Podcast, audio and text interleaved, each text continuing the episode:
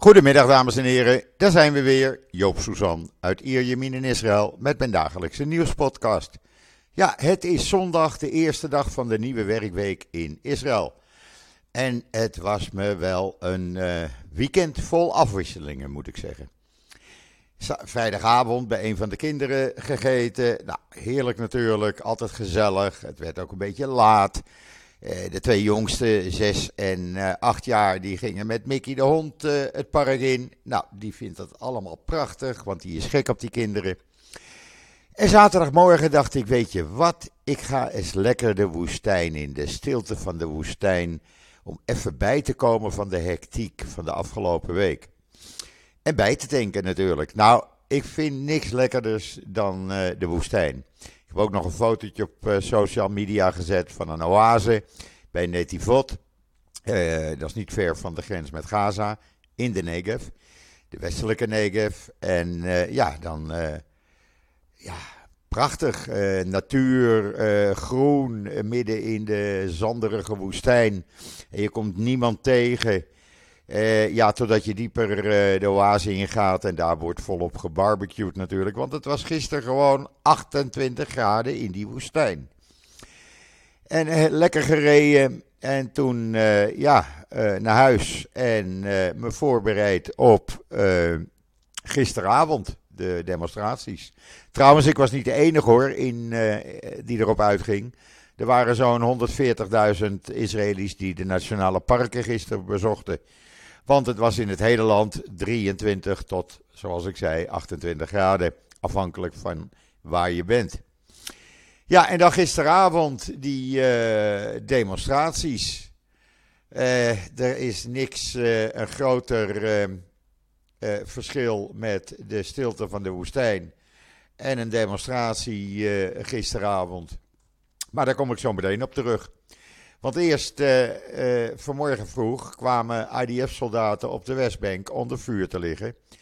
Die schoten natuurlijk terug. En uh, ja, drie van die schutters, die zijn nu aan het kijken of aan het ontdekken dat er geen 72 maagden bestaan.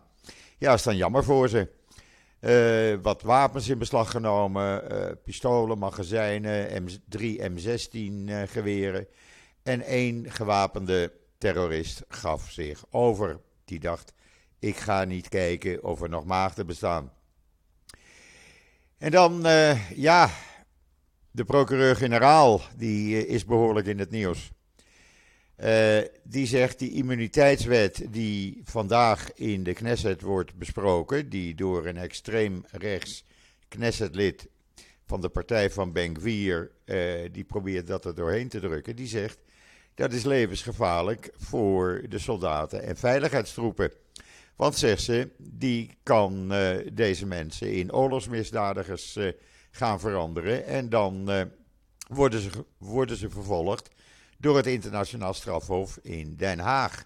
Nou, dat willen we natuurlijk niet, want zoals het nu gaat, gaat het prima. Want dankzij het aanzien wat het Hoge Rechtshof heeft en de onderzoeken van het militaire pakket ziet uh, het internationale gerechtshof en andere internationale tribunalen, die zien af van het beschuldigen van IDF-soldaten uh, in, uh, voor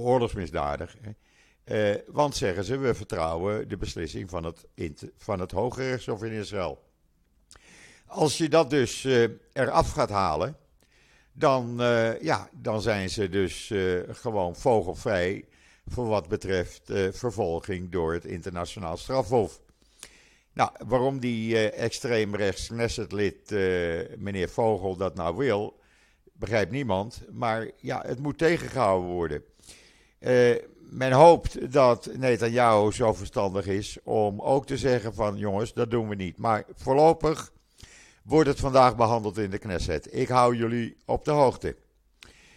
En dan Adionics die onthult de eerste pilotlijn voor de productie van 3D-elektroden voor EV-batterijen. Dat zou betekenen dat dan uh, batterijen voor uh, elektrische auto's veel sneller gemaakt kunnen worden. Het is nu, nog een pilot, maar als dat een succes wordt, dan zal elke auto hier, elke elektrische auto hierover gaan uh, beschikken. Het hele verhaal en de video daarvan kan je lezen en zien op israelnieuws.nl natuurlijk.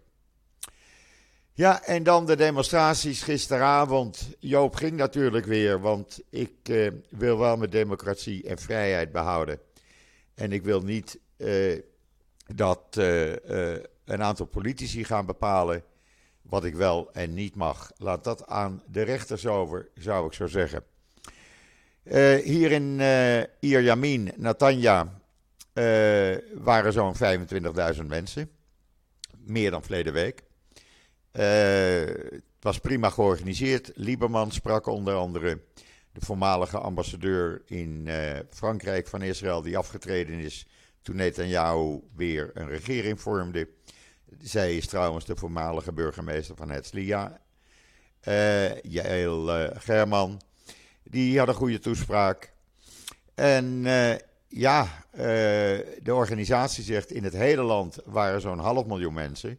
Politie houdt het op ruim 300.000. Maar alleen al in Tel Aviv waren volgens politie al 200.000 demonstranten. In Haifa 50.000.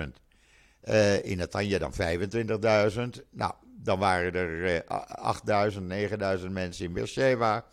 Er waren duizenden aan het demonstreren in Jeruzalem voor het huis van de president. En in een uh, negentigtal, 95-tal andere plaatsen werd ook gedemonstreerd. Asdod, Ashkelon, uh, noem maar op. Uh, overal. Lapid die sprak nu in Beersheba. En die zei onder andere: een golf van terreur treft ons. De economie staat op instorten. Geld gaat het land uit. Iran heeft een nieuwe overeenkomst met Saudi-Arabië ondertekend. En het enige waar deze regering om geeft is het verpletteren van de democratie. Nou, ik kan jullie zeggen, hier bij die eh, demonstratie die ik dus bijwoonde, hier in Natanja. Eh, daar werd behoorlijk afgegeven op meneer Benkwier, op meneer Deri, natuurlijk op Netanyahu, op meneer Levin, de minister van Justitie. Dat zijn de boosdoeners. En uh, ja, die, uh, die zorgen voor de tweespalt hier in Israël. er was ook een goede toespraak nog van meneer Shabtai tijdens de demonstratie in Tel Aviv. De politiechef van Israël. Die gaf toe dat hij een fout had gemaakt door de commissaris, het hoofd van de politie in Tel Aviv, weg te sturen in opdracht van meneer Benkwier. Dat is later vrijdag weer ingetrokken door de procureur-generaal. Die heeft gezegd dat kan je niet zomaar doen, dat is uh, politiek gemotiveerd. Uh, die commissaris van Tel Aviv die liep trouwens tussen het publiek. En als je de video's ziet op israelnieuws.nl, zie je dat hij met gejuich door het publiek en applaus werd ontvangen. Trouwens, dat is ook zoiets, typisch Israëlisch denk ik zou je in Nederland uh, eigenlijk niet meemaken. Hier in uh, Natanja bijvoorbeeld, natuurlijk wordt dat bewaakt. Uh, er is ook iemand opgepakt die vond het nodig van de overkant vuurwerk te gooien. Nou, die zit voorlopig even vast. Moet hij maar niet zo flink zijn. Maar agenten die je tegenkomt na afloop, die worden bedankt. Ik heb dat ook gedaan. Ik kwam twee agenten tegen. Onder andere een jonge vrouw met een groot machinegeweer. En uh, nou, die bedank je voor het beveiligen van de demonstratie en het in de goede orde leiden. En uh, ja, dat wordt geapprecieerd. En dat doe je gewoon uit beleefdheid. Want die mensen staan er ook niet voor een lol natuurlijk. Uh, dan was er een gepensioneerde rechter, Hila Gerstel, in Tel Aviv. Die zei onder andere ik heb 24 jaar in het gerechtelijk apparaat gediend. En uh, ik ben me terdege bewust van de tekortkomingen die er zijn. Maar op deze manier ga je niet de zaak hervormen. Dat doe je niet. Dat doe je in goed overleg. Dat doe je zoals het hoort. En dat ga je er niet in een paar weken doorheen drukken. En alles maar naast je neerleggen. Nou, je kan alle video's en alle teksten zien op uh, israelnieuws.nl. Onder andere ook zoiets raars. Uh, voor een hele korte tijd was een journalist van Haaretz, Uri Misgav, die was gearresteerd. En waarom? Hij wou naar de demonstratie gaan vanaf zijn huis. Wou hij naar Tel Aviv gaan. En toen werd hem gevraagd door twee agenten of hij van plan was gewelddadig op te roepen tegen premier Netanyahu. Want hij had namelijk opgeroepen om het komend weekendtripje uh, te annuleren. Want de Netanyahu's gaan dit weekend naar Berlijn. Jawel, het was ook heel belangrijk in Italië. Ze hebben daar uh, uh, vrijdagmiddag even gesproken, Netanyahu, met de premier van Italië. S'morgens had hij even een gesprek met een aantal zakenlui donderdagavond met de Joodse gemeente. Maar er was geen vertaler, want die had afgezegd, dat had ik jullie al verteld. En men kwam vanmorgen vroeg pas terug. Want gisteravond werd het Colosseum nog even voor de Netanyahu's geopend. Konden ze nog even het Colosseum bewonderen. En dit weekend gaan ze dus naar Berlijn, want ook daar moet in het weekend onderhandeld worden. En het weekend later gaan ze naar Londen. Want ja, een weekendtripje, dat is toch wel zo fijn. Even weg uit de hectiek. Even weg van uh, alle politieke beslommeringen die hij die zelf op de hals haalt. Want vandaag is de Knesset-commissie weer in sneltreinvaart begonnen om twee uh, uh, vlaggenschip wetvoorzieningen, wetvoorstellen uh, voor de tweede en derde ronde stemronde klaar te maken. Want dat moet allemaal voor het eind van de maand wet zijn. Normaal staat er tussen elke stemronde een maand, twee maanden van overleg. Hier niet, nog niet eens een uur overleg. Waarom dat allemaal nodig is, niemand die het begrijpt. Maar vandaag is men in sneltreinvaart bezig en dat duurt tot en met woensdag. Dus uh, dat wordt nog gezellig. En dan, uh, ja, is er vanmorgen iets bekend geworden. Nou, ik denk dat de, uh, de heer Biden en zijn ministers hier helemaal niet blij mee zijn. Want een hoge functionaris in het gevolg van Netanyahu in Italië en zijn zoon Jair, jawel, daar is hij weer, die beweren dat het Amerikaanse ministerie van Buitenlandse Zaken de demonstraties op zaterdagavond financieren. Hoe vind je die? Uh, wat voor belang ze erbij hebben, ja, dat uh, wordt er niet bij gezegd. Maar wordt er gezegd, uh, ze financieren met miljoenen dollars. Want anders kan dit nooit zo goed georganiseerd zijn. ja, je kan natuurlijk iedereen de schuld geven. Ik zou zeggen, geef jezelf eens een keer de schuld jullie halen jezelf dit allemaal op je nek. En dan moet je niet Amerika gaan beschuldigen. Dat is nou net het land wat Israël nodig heeft. Uh, ik begrijp dat dus niet. Maar je kan het lezen in de Times of Israel nu. Een heel raar verhaal. En vooral doordat zo'n Jair er weer bij betrokken is. Want die had van de week al de opmerking dat de Israëlische politie uh, de linkse anarchisten helpt. Daardoor kunnen ze elke keer de Ayalon uh, Highway uh, bezetten. Ja hoor, dat doet de, de politie. Dat zijn allemaal linkse anarchisten. Uh, als je namelijk tegen de regering Netanyahu bent, dan ben je dus automatisch een linkse anarchist. Dan weten jullie dat. Ik ben dus een linkse anarchist. En dat zijn mijn kleinkinderen en kinderen van Michel ook. Want die gaan ook uh, naar de demonstraties. Dat zijn kinderen van vrienden en vriendinnen van mij. Allemaal linkse anarchisten. Nou, uh, ik heb ze nog nooit zo zout gegeten. In ieder geval, Lapid had een goed voorstel. Die zegt, uh, om uit deze crisis te komen, laten we eens beginnen een uh, grondwet samen te stellen. Dan ligt alles een keer vast. En we moeten vooral af van dit, deze regering natuurlijk. Want dit gaat helemaal fout. Nou, dat gaat ook helemaal fout. Want uh, ook de voormalige procureur-generaal en voormalig vertrouweling van Netanyahu, hij is namelijk door Netanyahu benoemd als procureur-generaal, die zegt natuurlijk, er moet hervormd worden. Dat zeg ik ook elke keer. Je moet meegaan met je tijd. Maar wat er op dit moment wordt gedaan, is wel een heel slecht plan. En dat zal Israël zich tot in een lange historische periode en voor vele generaties herinneren. Want dit gaat hartstikke fout. Het is een heel lang interview wat hij aan Channel 13 heeft gegeven. En waar uittreksels van in de Times of Israel staan. Hij zegt: Ik heb geen andere keus dan me nu ook maar eens uit te spreken. Want het is vooral schadelijk wat er nu gebeurt om het Hoge Rechtshof aan de kant te schuiven. Om de selectie van rechters over te dragen aan een stelletje Knessetleden van de regerende partij. Dat kan gewoon niet. Uh, wetten met 61 stemmen uh, te laten goedkeuren, ook al keurt het Hoge Rechtshof ze af. Dan moet je 70 of 75 Knesset uh, stemmen hebben. Ja, hij zegt hetzelfde wat zoveel specialisten zeggen. En ja, er wordt gewoon niet geluisterd. ook meneer Barananke, ik weet niet of jullie die naam nog herinneren, dat was de vroegere baas van de Amerikaanse Federale Reservebank.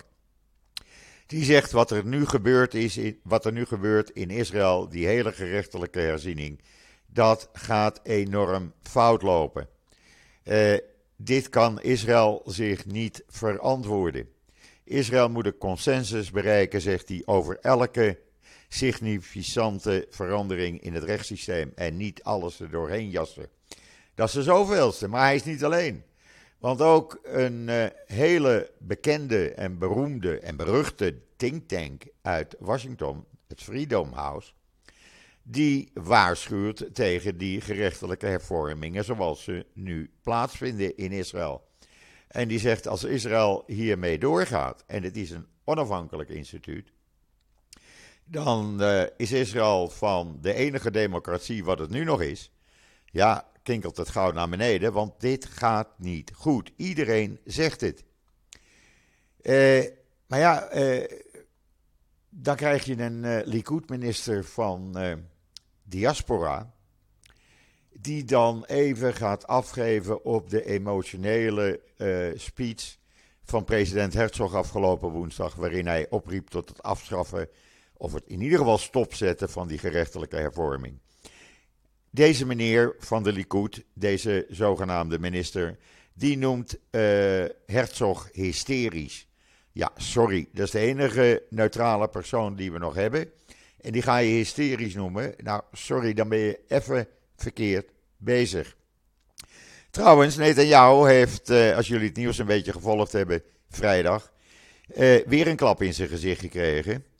Want zijn uh, belangrijkste doel, wat hij altijd gezegd had: van als ik weer premier word, dan zal ik werken aan diplomatieke betrekkingen met de Saoedi's. Nou, vergeet het maar. De Saoedi's hebben vrijdag in China een overeenkomst met de Ayatollahs van Iran getekend. En ze gaan weer diplomatieke banden aan. Ze worden weer vriendjes. En ook de Emiraten juichen dat toe. En iedereen in het Midden-Oosten juicht dat toe. Nou, daar staat Netanyahu dan weer met lege handen. Want ja, hij kan nu moeilijk uh, een overeenkomst, uh, diplomatieke overeenkomst met uh, de Saoedi's tekenen. Terwijl die net een overeenkomst met Iran heeft. En Israël, volgens Netanyahu, Iran wil uitschakelen. Dat zal dus ook niet gebeuren. Ja, en dan hebben we nog een ander probleem. De grootste bank in Silicon Valley, die uh, legt het loodje. Die heeft filialen in Canada, Engeland, China, Denemarken, Duitsland, India, Israël en Zweden. En dat zou wel eens gevolgen kunnen hebben voor start-ups en high-tech bedrijven over de hele wereld. Die kunnen dan niet meer aan geld komen. Ze kunnen niet meer aan hun eigen geld komen. Je kan het allemaal lezen in de Jeruzalem Post. Ik weet niet of daar in Nederland veel aandacht aan wordt besteed, maar hier dus wel. En ja, dat uh, wordt al vergeleken met de economische crisis, de financiële crisis van 2008. Hou dat in de gaten, mensen. Want uh, dit is echt iets heel groots aan het worden. En dan raad ik iedereen aan: lees het commentaar van opperrabijn Benjamin Jacobs in het NIW van deze week. Het staat online in het NIW, diep geschokt heet het. En uh, het gaat natuurlijk over de Nederlandse Raad van Kerken. Dat reisverslag waarin uh, de Raad van Kerken de Holocaust vergelijkt met de situatie van de Arabische christenen in Israël. Hoe vind je die? Zo zout heb ik het echt nooit eerder gegeten. Het lijkt wel of de jaren 40 weer terug zijn, mensen. Want dit kan je niet maken. Ook al ben je tien keer de Raad van Kerken, dit zeg je niet. Maar goed, ze hebben het gezegd. Uh, ik kan er verder ook niks aan doen. Maar iedereen in Joods-Nederland is daar woedend over. Want het is gewoon een trap onder de kont van heel Joods-Nederland. Zo van, wij hebben scheid aan jullie. Want dat is wat de Raad van Kerken zegt. Lees het, verhaal, uh, het commentaar van Opperabijn Jacobs. Lees de andere verhalen in het NIW. Je kan het allemaal online, online zien. Uh, ik raad het iedereen aan. Het is toch slecht weer in Nederland. En dan zegt Syrië dat Israël vanmorgen bij daglicht een aanval heeft uitgevoerd op doelen in uh, uh, Noordwest-Syrië waarbij drie soldaten gewond zouden zijn geraakt. Nou, IDF zegt zoals gebruikelijk niks, dus ik kan niks ontkennen of bevestigen.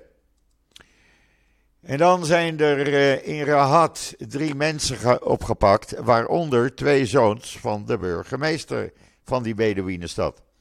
Want die hadden met toch een aantal wapens in hun bezit. Nou, daar kon je een half leger mee uitrusten. Uh, uh, Lees het in de Times of Israel. En dat mag niet. En dan mag je drie, eh, tien keer de zoon eh, van de burgemeester zijn. Maar ook dan heb je je aan de wet te houden, dacht ik zo. En dan heeft de Jeruzalem Post, die onthult, en dat is een heel raak artikel, de volledige rijkwijde van die gifaanvallen op die Iraanse schoolmeisjes.